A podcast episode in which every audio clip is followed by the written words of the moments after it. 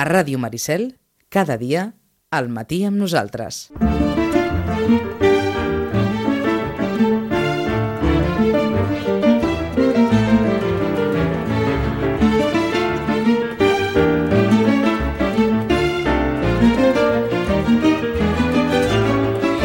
Es poden apuntar el nom de dues dones. Anna Merino, guanyadora del Nadal, Laia Aguilar, guanyadora del Josep Pla.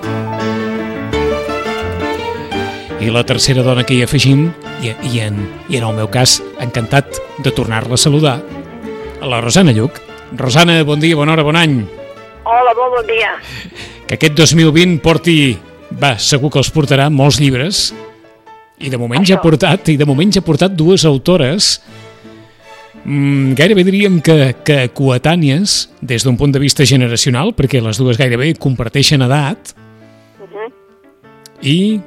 no sé si eh, formen part d'una d'una literatura que té molt a veure amb una manera també d'entendre d'entendre la vida més com ho direm això, més més vital, amb més, amb més dinamisme, com a mínim una d'elles reconeix davant de les moltes entrevistes que ha fet, que és la Laia Aguilar, la guanyadora del Premi Josep Pla, que d'alguna forma ser guionista de Vent del Pla, del Cor de la Ciutat, de Merlí, l'ha ajudat a trebar els relats d'una forma mm, a través de la qual molts dels lectors li diuen que gairebé quan llegeixen la, la seva novel·la o les seves novel·les, les seves obres, estan veient-les.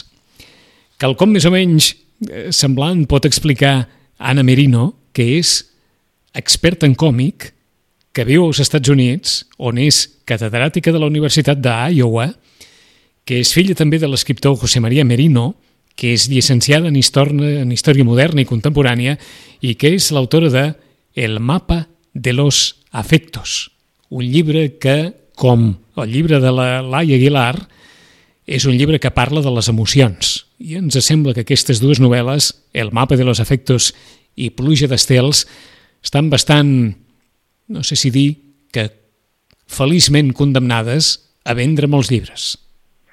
Esperem, no? Esperem. Em sembla, sembla les expectatives són aquestes. Sembla que, doncs, que seran dues autores que, com tu dius, connectaran en el, amb els lectors. De fet, eh, la- l'Anna Merino, com que, ha estat, eh, això, com que està fora, etc, però té bastantes coses publicades des de fa uns anys, tant al camp de juvenil, com Mhm. seria com la Laia, eh?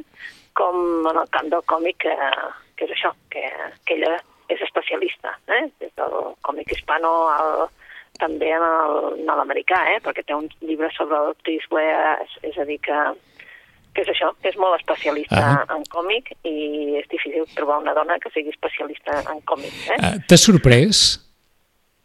Sí, a mi Sí. Sí, sí, sí, sí, sí, m'ha sorprès.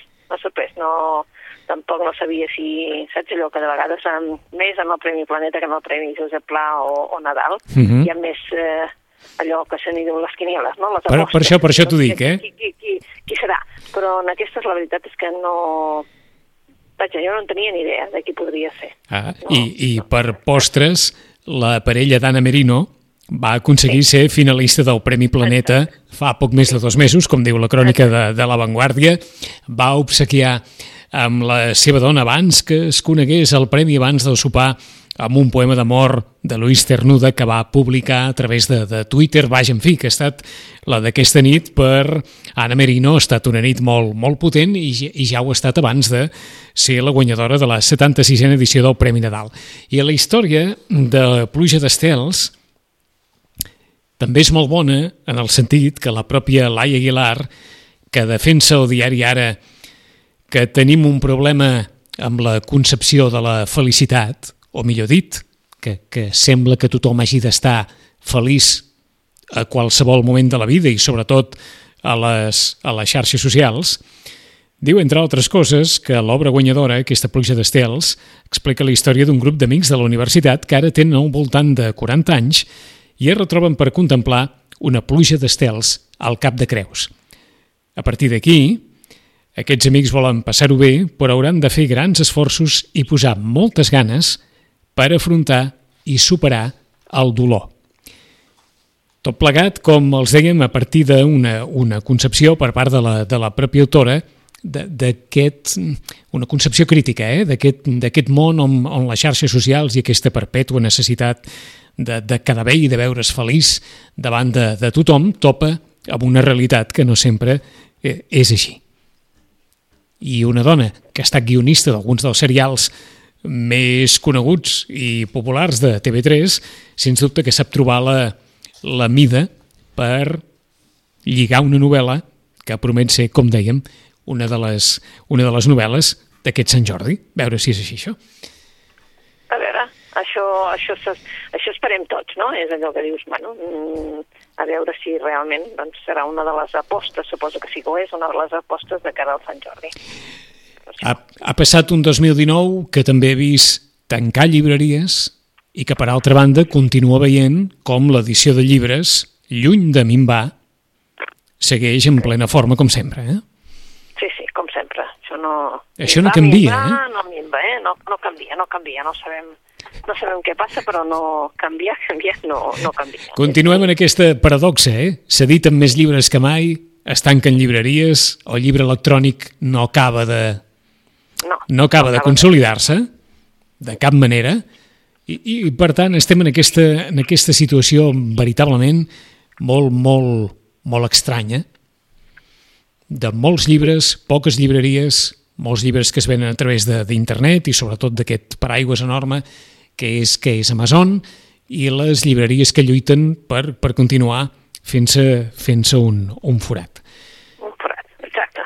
Exactament has, has, explicat el que és eh, la És això, eh? Un forat. Sí, sí, és això, és això, és això. Eh? I que eh. intentem, doncs, això, no? Portar una mica de llum de, de tot aquest uh, munt de llibres que hi ha a sobre les taules, quins són els que realment et poden interessar a tu. Sembla mentida perquè fa, tampoc fa massa temps que parlàvem de la competència que significava per les llibreries les grans superfícies comercials. Uh -huh. Aleshores es parlava de la FNAC, sí. en especial que, que per Sant Jordi tenia tots, vaja, amb munts de llibres en pàl·lets de, dels grans autors, etc sí. etc. I ara gairebé ni tan sols les superfícies comercials esdevenen la principal preocupació de molts, de molts llibreters quan es parla de, de la situació que viuen en el seu dia a dia, no? També ells estan rebent, o sigui, també aquestes grans superfícies tenen el, el mateix, vull dir, que és una seu física, que malgrat que tots tenen web, etc etc, doncs eh, hi ha un gegant que és més potent eh? i que et menja. Eh? Mm. Doncs és això, eh? vull dir que no, no, les grans superfícies en aquest moment sigui tipus FNAC, diguéssim, cort inglès, però que s'ha reduït moltíssim. Molt. Doncs, eh, i també els de FNAC han reduït molta part de llibreria per posar la part electrònica que, que funciona més. Sí. I, i, i, i va així, eh? Vull dir, no... També ells noten aquest, eh, aquest canvi mm. d'hàbits de, de, del lector. I, I els petits com ho viviu? Doncs, home, molta preocupació perquè hi ha un canvi d'hàbit eh, que una és un canvi d'hàbit de compra i un canvi d'hàbit de lectura. De lectura també?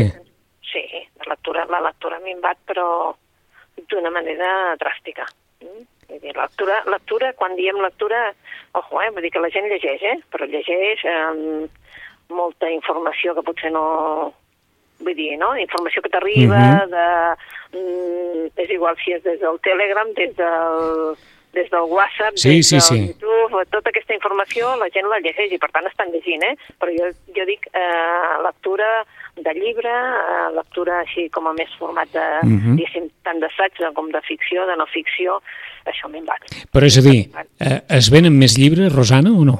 No, no, no, no en absolut. No. En absolut? En absolut. No, no es venen més llibres. Eh? No venen més llibres perquè la gent no llegeix més, o sigui, no, ni compra més, al ah, revés. En canvi, no s'han deixat d'editar tants llibres com s'editaven. No, el que passa que si tu parles amb els editors et diran que ells sí que han deixat d'editar, però que han aparegut doncs, eh, editorials molt petitones, molt específiques i també tot el tema de plataformes d'autoedició. Uh -huh. Vale? Que tot, eh, tu vols ser autor i tu pots permetre perquè et pagues tu l'edició i tu ho fas a través d'una plataforma i bé, doncs hasta el gremi de distribuïdors està intentant posar una mica de llum aquí per dir, bueno, mm, qui té el llibre? Perquè, clar, si tu l'edites... És clar, és el que anava a dir. O, on, on, el, on el portes? O, o el portes sota el braç i vas com un, com un viatjant dels d'abans o com, com ho fas, això? Exacte. Bueno, una possibilitat és aquesta, que tu tinguis, eh, doncs, que ho posis, a, que tinguis una web, mm? Sí. que tu et dediquis a enviar-lo a través de correus o a través de transport, és bastant difícil això perquè, clar, et comporta tu doncs, de fer una sèrie de tràmits que normalment no fas. Vull dir que tu, tu has escrit el llibre, no estàs fent una feina de distribució. Uh -huh. I, I si no, doncs el penses a Amazon, ¿vale? que clar, evidentment et carrega tot el que t'ha de carregar de gastos. Eh? I si no, doncs, eh, bueno, doncs ara, com que tu el tens a casa, doncs ara es tractaria de que tota aquesta gent que està autopublicant, eh, que alguns ho fan a través de, de, de plataformes que ja... Específicament. Ja, les, exacte, ja les identifiques i, doncs bé, una de les plataformes eh, està unida a, a el que seria el logista, que seria tota la logística del de, grup de Planeta. Uh -huh. Una altra està unida al, al grup de logística, el que seria Penguin Random House. Vull dir, venen factures a part, tot bé a part, però com a mínim tu els trobes, els llibres. Vale? Són sense dret a devolució i, per tant, no, tu no tens exposició a la llibreria d'aquests llibres, tens, Ah. però si te'l demanen, pot servir. D'acord. D'acord. O sigui que aquí Eh. també s'ha creat un nou espai de distribució. Sí, Buf, mica, una mica complicat perquè esclar, hi ha gent que no... Però on te'l trobo? Doncs no ho sé. On te'l trobes? perquè sí, clar, si no, si no dona més dades, clar, de vegades donen d'alta del llibre, saps? A la base de... Sí, de sí, sí. de- d'Espanya, però clar, mm, mm, si no posa res més, no el podem trobar. Clar, Ni perquè la- trobar el client, eh? a, a la base de dades per obligació hi ha de ser. A Sí, l'I- sí, l'ISBN el llibre hi ha de ser, no? Sí. Sempre. Exacte. Si, si tu, sí, tu te'l dones d'alta, eh? Si no, no, hi serà. D'acord, d'acord, d'acord. No però sí, sí, clar. Però, bueno, llavors tens, bueno, doncs gent que va fent la ronda, no? Si tu ets d'aquesta zona, dic d'aquesta zona perquè pot ser de Vilafranca o Sí. de Banyeres o de- d'on te siguis, llavors tu vas fer la rondeta per, per les llibreries, no? Mhm. I vas deixant tu els llibres. Clar, això, mm, entens, no? Et suporta doncs, haver de fer una sèrie de tràmits, a dir, bueno, doncs, deixar-los en dipòsit en cada Exacte. llibreria, um, saps allò? I estar Sí, sí. al tanto de, de, de si es venen, si no, recollir-los. Escolta que me'n falten, escolta, porta'm, escolta, tal. Exacte, això, això No. no. no estem en aquesta època. Ja no estem en aquesta època, eh? No, no, Està ja clar que no. No, no. Um, els llibres més venuts aquestes festes? Els llibres més venuts, doncs mira, un dels llibres més venuts, i potser no serà sorpresa per ningú, és un que va sobre el procés, Mm. que és tota la veritat. Mm. Aquest dels sis periodistes eh, que durant dos anys d'investigació doncs, doncs, han, han, han estat doncs, eh, bueno, buscant documents i, i posant-los. És la crònica d'aquests dies de, del procés. Tota la veritat ha sigut un dels llibres, la veritat, de no ficció, Sí, el eh? més venut. sens D'acord. Uh, bé, doncs uh, el Xavier Bosch, el Paraules que tu entendràs, uh, evidentment un altre dels que es van exaurir perquè, bé, havia tingut una època, doncs, diguéssim, que ja no es venia tant, perquè, clar, vull dir, ja fa temps que ha sortit, i ara ha tornat a revifar aquests dies de, de finals de- d'any i, i, Reis, Mhm. que ha sigut el, un dels llibres més venuts. Clar, eh, el Cercas té un públic que és seu i un altre que és de Premi Planeta. I, per tant, el Terra Alta, el Premi Planeta d'aquest any, també ha estat un dels llibres que, més venuts per tots. Eh? Uh, evidentment, continuen amb, continuaríem amb els Falcones, amb un que seria amb, amb, la, amb el seu pintor de amb la cara norte del corazón del, de la Dolores Redondo, que també es va exaurir abans de, de, de Nadal, i Sí. estava exaurit. Uh Mhm. -huh. o sigui, el teníem a les llibreries, però quan se'ns ha acabat, com que no n'hi havia, doncs no no n'hi havia més. I després ha entrat en la llista, de que ja estava en la llista de més venuts, però que potser no, no ens ho esperàvem, perquè ja és el, és el primer llibre, La Reina Roja, mm, de Gómez Jurado, eh, ha sigut un dels llibres més venuts també. Quan ell és, és el primer que té el llibre, i el llibre que havia sortit ara ja era la segona part, que és l'Ova Negra. Bé, saps? Eh, Això entre els mm, molts i molts, perquè clar, com que n'hi ha tants, la veritat que biografies, o amb assaig. El Piketty, amb capi, la Capital i Ideologia, malgrat el seu tamany, també ha sigut un dels llibres més venuts. Saps allò? Hi ha hagut molta... Molt, molt, molt variat, molt dispers, veig, eh? Molt dispers, sí. Però aquests serien els que estem d'acord tots que han sigut els que més, més, més s'han venut, saps? Uh Mhm. -huh perquè Nadal també és una, un moment en què la gent també busca llibres que els hi sonen o que un altre els hi recomana i aquest té un perill de que siguin de fa 10 anys, saps? Exacte.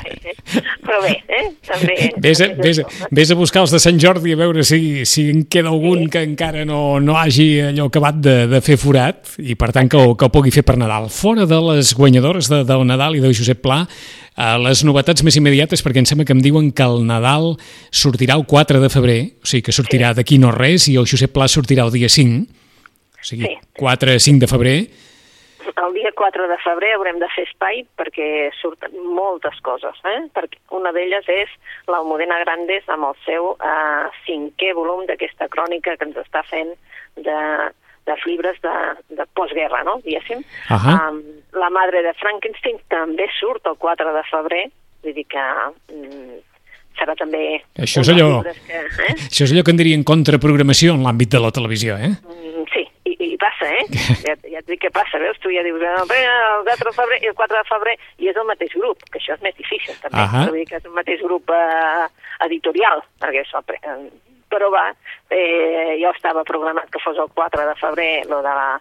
la Almudena la Grandes. tant, També el 4 de febrer ells. Eh, ara sortiran, eh, aquest mes de gener surten, bueno, diguéssim que menys... Eh, menys, no, no més importants, però sí que no... Per, surt, per exemple, la Maria Montesinos, el 23 de gener, surten diverses bloggers, influencers, que aquestes ja... Doncs, que tothom se n'entera. Vale? uh, aquesta Maria Montesinos eh, publicarà un Destino Propio, que serà una gran campanya de llançament. Uh, clar, um, editen coses com a menys, menys, menys, menys potents per preparar-se tots al febrer. I el febrer és com a, saps, fins a arribar a l'abril, que tornarem a tenir pues, una, per exemple, el tercer del Gómez Curado, d'aquest de la Reina Roja, Sí. doncs també surt ara aquest primer trimestre de cara a Sant Jordi, el, també surt um, la, el tercer de la Reina Roja, d'aquesta Carmen Mola, que no sabem qui és, però que ens va portar la Reina Roja, ai, la Reina Roja, perdona, la Nòvia Gitana, Gitana. a la Red Púrpura, i ara surt el dia 4 d'abril, aquesta és el 4 d'abril, surt la tercera part d'aquest, que també és un thriller que el que se'l llegeix doncs, ni entusiasma. I llavors, bé, els de català van una mica més enrere de, de dir-te quines novetats sortiran. És el que anava a dir, perquè, perquè no n'has comentat pas gaires de català, eh? Per no dir cap. No, perquè, perquè van una mica més enrere, és a dir, s'ho preparen més, eh, sabem que evidentment el, el, el febrer serà un, un daltabaix de, de, de novetats de cara al Sant Jordi, Mhm. i bé, de moment més o menys és això. Uh, clar, Asteroide també publica un Richard Butler, però són ja autors que ens interessen més a, a, a, a llibreters per poder recomanar, perquè són autors bons per recomanar, però que no, no seran allò gran extensions de taula perquè sortiran en plan allò, molta por, publicitat. Uh -huh. Eh, mm, doncs bé, no, no hi ha, saps allò, no recordo gaire més, eh, molta cosa infantil, evidentment, perquè evidentment ve Sant Jordi, per tant, eh, eh, tenim ara una època Montessori que, que es, fa absolutament de tot, saps, Mhm. de llegir Montessori, i... I deixa'm, deixa'm apuntar-te per allò de dir, va, fiquem-lo ja només comença l'any, és l'any del centenari de Miguel Delibes, si haguéssim de buscar alguna cosa allò d'urgència, un Delibes, quin? un delibes que, que bueno, la, la, la, difícil, bueno, la veritat és que sempre, normalment, eh, els que estan Sí. a la llibreria és El Camino, Los Santos Inocentes, La sombra dels cipreses Alargada. sí, i, i, i El hereje, que també és una gran novel·la. Mm, Vull dir, són èpoques diferents, la veritat és que són èpoques diferents d'ell, i a mi també, personalment, també m'agrada molt eh, La senyora de Rojo sobre fondo gris que li dedica a la seva dona. D'acord. Si haguessis de definir, per qui no hagi llegit mai Delibes, Delibes? Delibes. Uh, clar, és que si la gent no coneix la generació del 54 és una mica difícil. Seria un, un autor que... Com te l'hauria de dir? Eh, no sabria definir-lo, però seria un autor um, que ens porta a Castella, a la Castella mm, menys coneguda, la Castella, Castella mm, Vieja, diguéssim, Sí.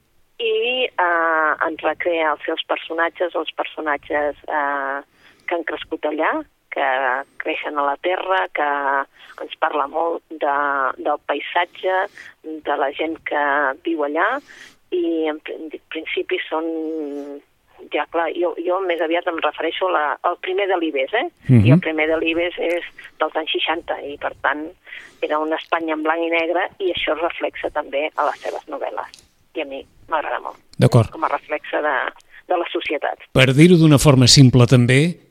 Eh, que és més fàcil de llegir que Cela Però no, més fàcil i més proper. i més proper... de. D'acord.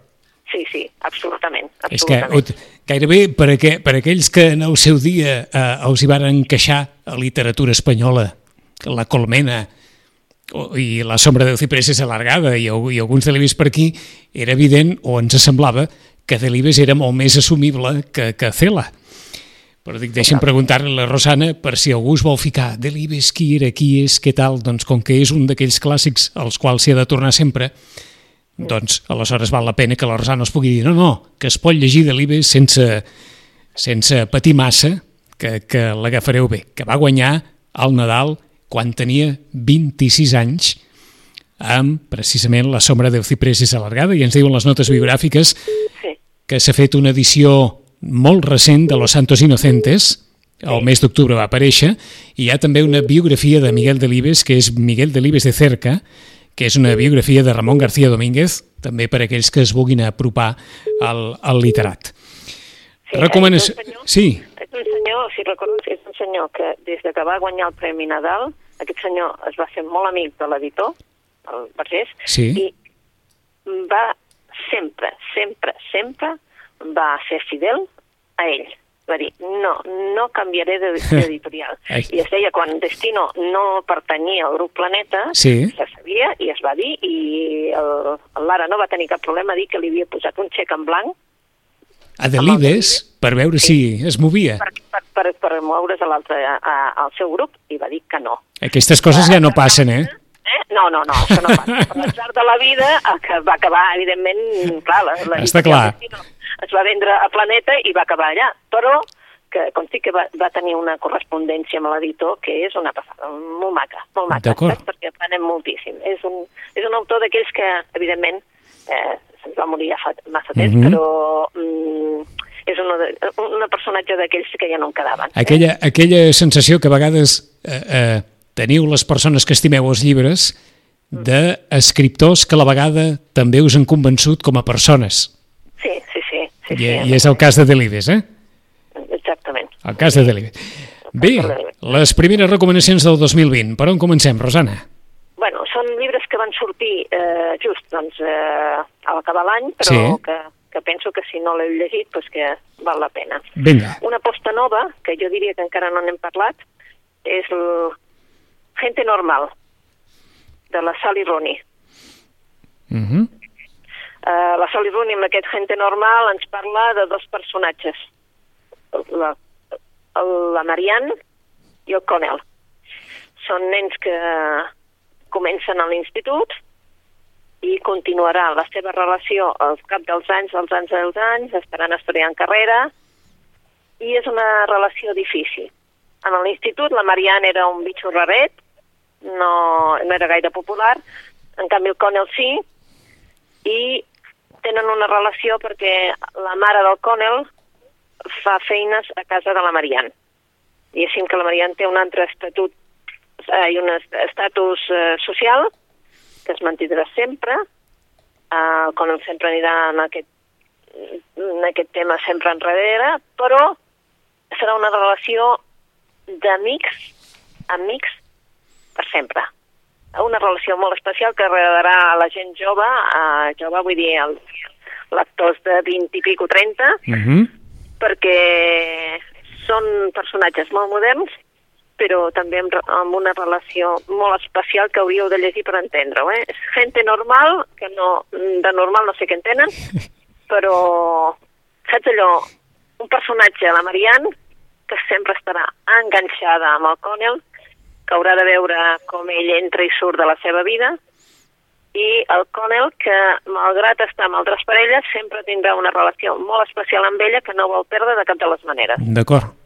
O sigui, un- aquelles, aquelles relacions en la qual un dels dos assumeix un ser rol de, de dependència perpètua de l'altre. Sí, faci el que però- faci, estigui amb qui estigui, sempre estarà allà. Exacte. Però una li- llibertat també molt difícil d'entendre pel nostre cànon. Eh? ja. És una, és, una autora, és una autora molt jove, llegeixo, nascuda l'any 91.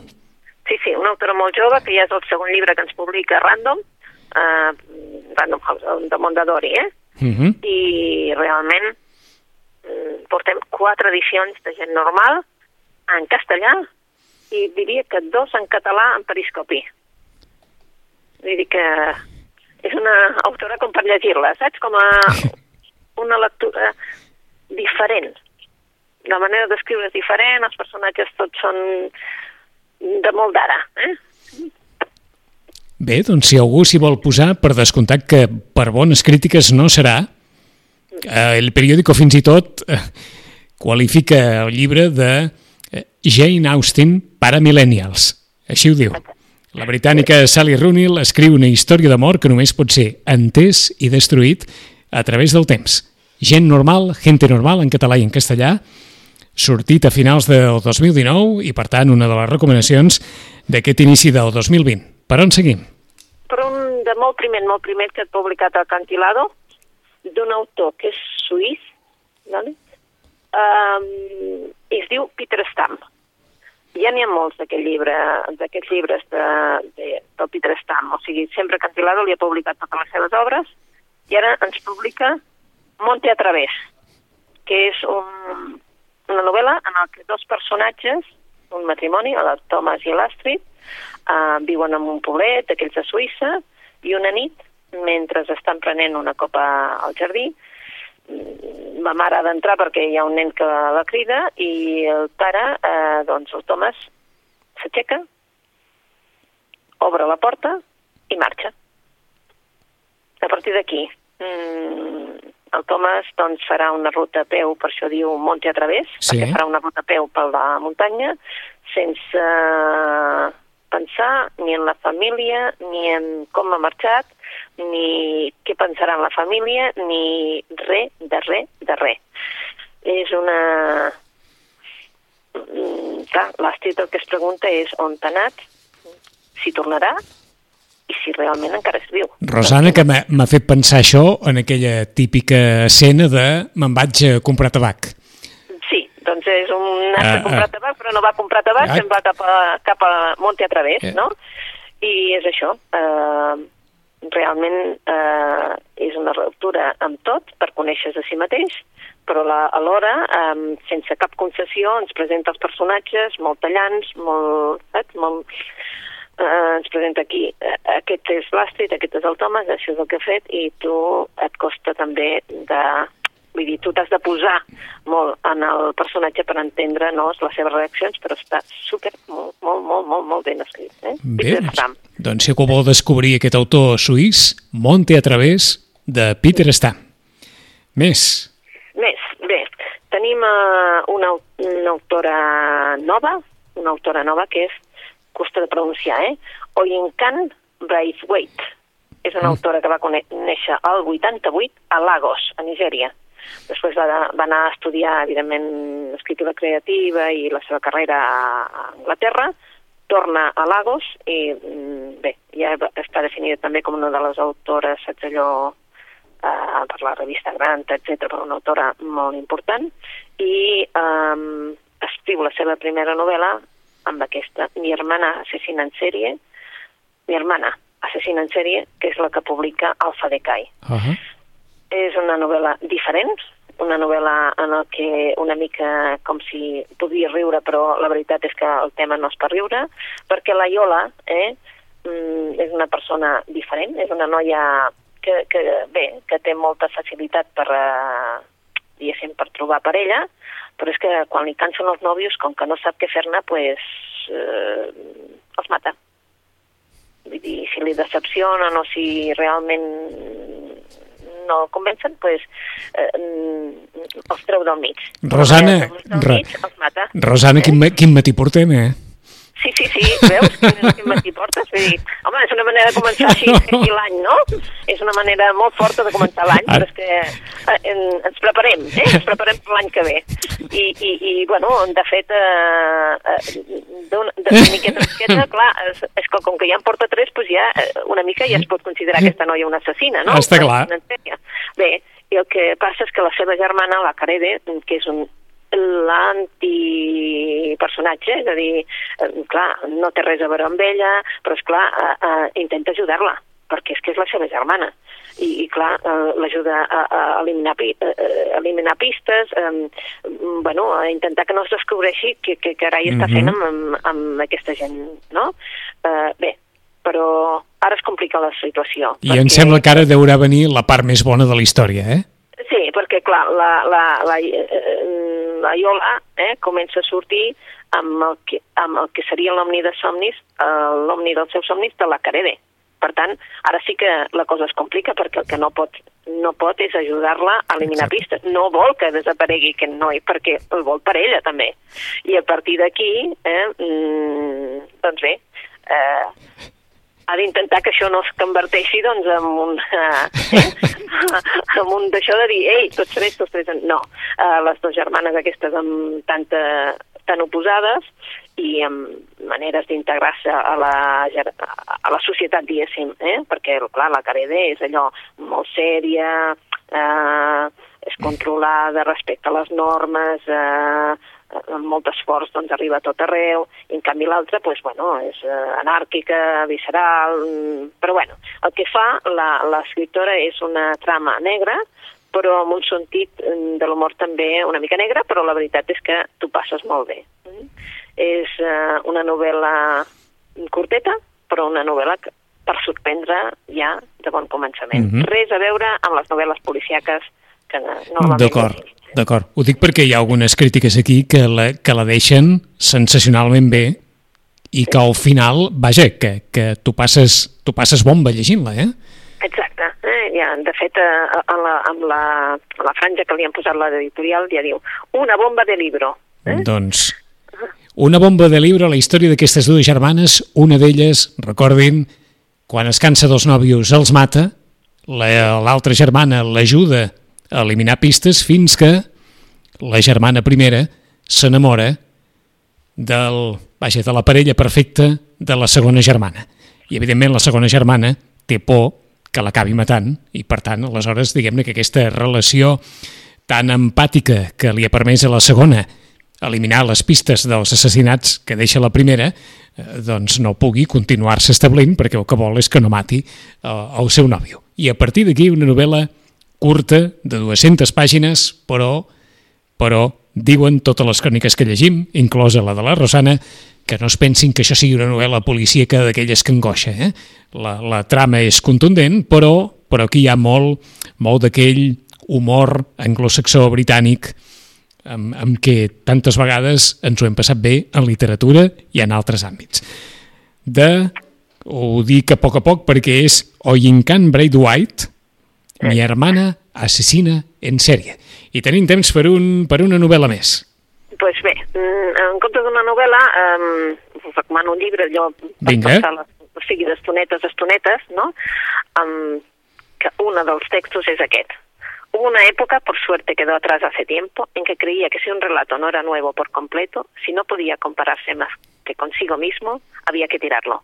Se trataba de una postura muy presentuosa e ingenua. Se basaba en la hipótesis no declarada de que yo estaba dotada de capacidades extraordinarias y, si estas capacidades no se plasmaban en obras de una absoluta y precisa unicidad, debía concluir lúcidamente que estaba traicionándome a mí misma por pereza o superficialidad, o bien que mi hipótesis era del todo infundada. En fin, que no valía la pena escribir si no estaba en condiciones de escribir cosas mejores y a la vez por completo distintas de los libros que apreciaba y que estaban en el origen de mi afán de contar. Con el tiempo he cambiado de opinión. Hoy me fío poco de quienes dicen, he aquí un libro nuevo de verdad. En literatura, lo único nuevo de verdad es nuestra forma particularísima de utilizar el depósito de la literatura mundial. Estamos inmersos en aquello que nos ha precedido. No me refiero a los libros de texto que clasifican por orden cronológico los autores, sus vidas y sus obras, desde los orígenes hasta nuestros días y también tampoco en la lista detallada de nuestras lecturas a partir de los siete años. No hay un antes del que seamos el después. Toda la literatura, sea grande o mediocre, nos resulta contemporánea. Se agolpa a nuestro alrededor mientras escribimos en el aire que respiramos. En consecuencia, nuestras páginas nunca son nuevas en el sentido que la industria cultural da ese adjetivo, sino que constituyen el rastro de cómo, nos guste o no, nos hemos alimentado de la tradición para expresar desde su interior nuestra individual, individualidad. A partir de aquí continúa, pero que esta es la Elena Ferrante, eh? Això ha estat una declaració d'intencions, eh? Sí. Eh, Sí, sí, sí, però és uh, l'Helena Ferrante amb aquest uh, La invenció ocasional. Són textos que Sí. l'Helena Ferrante mm, va anar escrivint, es va anar publicant en diaris i ara l'editorial Lumen eh, els va recollir en un llibre. També ho han fet altres editorials en altres països, però amb la gràcia que també tenen unes il·lustracions. Per això et deia que són trossets, eh? era una mica més llarg eh, aquest, però Ahà. eh, són trossos que són els seus pensaments, no diguéssim, que ella doncs, eh, parla doncs, de les- de l'escriptura, um, de, de mentir, per exemple, de la paraula mentida. Ho dic perquè aquest, aquest pensament d'entrada ja era molt potent. I ara, Aquells que comencen pensant que faran una cosa nova, que serà diferent a tot, que serà, vaja, la meravella de les meravelles i que acaben assumint que res no acaba de ser nou mai perquè, perquè venim d'una tradició. perquè venim d'una tradició. Pues exactament és això. Escriptora, escriptora italiana, no? No? Sí, És una, italiana. una veterana de 77 anys, Sí, Elena una- Ferrante. Helena Ferrante sí, que va, va fer aquella tetralogia que va tindre tant d'èxit, que hi va haver un problema perquè ella no volia dir el seu nom i per això va posar Helena Ferrante i al final, doncs, eh, bé, la gent va començar, bueno, un periodista italià va començar a mirar, doncs, eh, moviments de, eh, bancaris, eh, de gent, etc i va descobrir qui era i això bueno, va ser una trama d'aquella saps? I Oh. de dir, bueno, Déu meu, eh? Sí, perquè ella no volia, no volia dir el seu nom, no volia dir el seu nom. Per D'acord? tant, ens quedem que Helena Ferrante és el pseudònim mm, i no... I bé, i és un... perquè ella diu, que no s'arrepenteix del seu anonimat, eh? Vull dir, perquè descobrir qui és la que escriu les històries, bueno, però eh, ella ja, ara ja tothom sap qui nom té, sobretot a Itàlia, però Elena Ferrante és el que els editors continuen posant i, i respecten. D'acord. Haig d'entendre que és un recull d'articles o de- o d'escrits curts? Sí, sí, són sí. un recull com d'articles, saps?, que es van a publicar al The Guardian, que era, crec que era uh, primer, i després ella ha decidit doncs, posar-los, i els seus editors han decidit posar-los com a llibre, perquè és això, no?, que tenen aquesta validesa, perquè quan un fa una, una tira en un diari, moltes vegades és molt del moment i no, clar, després pos, pos, posar-la dos anys després, bueno, sí, té la gràcia de dir, bueno, uh. -huh. això pensava llavors, però és que això no té res a veure. Són uh, coses que no tenen dada, data te- temporal, i com que no tenen data temporal, eh, són, bé, escrits literaris. Eh? Mm I es diu La invenció ocasional. No ens l'han publicat en català i la veritat és que no sé si realment la campana, que ara sí que hi ha, per tant també el mateix grup que, que Lumen, ho farà. Mm? No sé. En qualsevol cas, com deia la Rosana, un llibre per anar agafant tastets Sí. en, en moments determinats que vingui de gust llegir la, inven la invenció ocasional d'Helena Ferrante, Helena Ferrante, que és pseudònim, eh? Com ens ha comentat Sí, la, la, la Rosana, recull d'articles publicats al, al Guardian, hem, hem acabat per aquest llibre després, com comentàvem fa uns minuts, Mi hermana assassina en sèrie, el llibre d'aquesta escriptora nigeriana que, contràriament al que pugui pensar, molts o molta gent, no és una novel·la estrictament policíaca, sinó que aquí hi ha molt de sentit de l'humor, a mi hermana assassina en sèrie, d'un novel·lista suís, molt poc conegut, però la novel·la, una història d'algú que busca retrobar-se a ell mateix, que trenquen tot per conèixer a si, a si mateix, marxa de casa seva sense donar cap explicació, la dona es queda a casa i, i ell marxa de casa. És Thomas el marit, la parella de l'Astrid, el que se'n va Monte a través. Aquest és el títol de la novel·la de Sally Rooney, escriptora molt jove, nascuda l'any 1991, una història d'amor de, dels temps actuals en la novel·la Gente Normal, aquelles històries en què un dels dos, diguem-ne que té més d'una vida i més de dues, i l'altre l'espera sempre, sempre està allà, passi el que passi. A partir d'aquí, totes les històries eh, possibles. I també Recordar-los que hem entrat a l'any de l'Ibes, que algunes de les novel·les de Delibes valen sempre la pena i per tant és un bon moment en el centenari de Miguel Delibes recordar algunes de les seves obres mestres que estan disponibles a les eh, llibreries. Tot això en espera del 4 i el 5 de febrer, quan sortiran a la venda el Premi Nadal i el Premi Planeta, el Premi Nadal, Ana Merino, el Mapa de los Afectos, el Premi Josep Pla, Laia Aguilar i la seva Pluja d'Estels, 4 i 5 de febrer. En 15 dies, com no, tornarem amb el temps dels llibres amb la Rosana. Rosana, bona lectura. Bona lectura. Fins d'aquí 15 dies. Adéu-siau. Adéu, adéu. Bé, arribem a les 12. Demà que hem de tenir temps per parlar de la roda de premsa de la mitja marató, hem de tenir temps per parlar de la nova Escola d'Adults. Jornada de portes obertes avui fins a les 9 del vespre i visites comentades a les 6 de la tarda i la inauguració a les 7. Tot això demà, temps dels seriòfils. Per altra banda, el primer seriòfils d'aquest 2020. Que passin un molt bon dimecres. Demà a les 9 i tornem. Adéu-siau.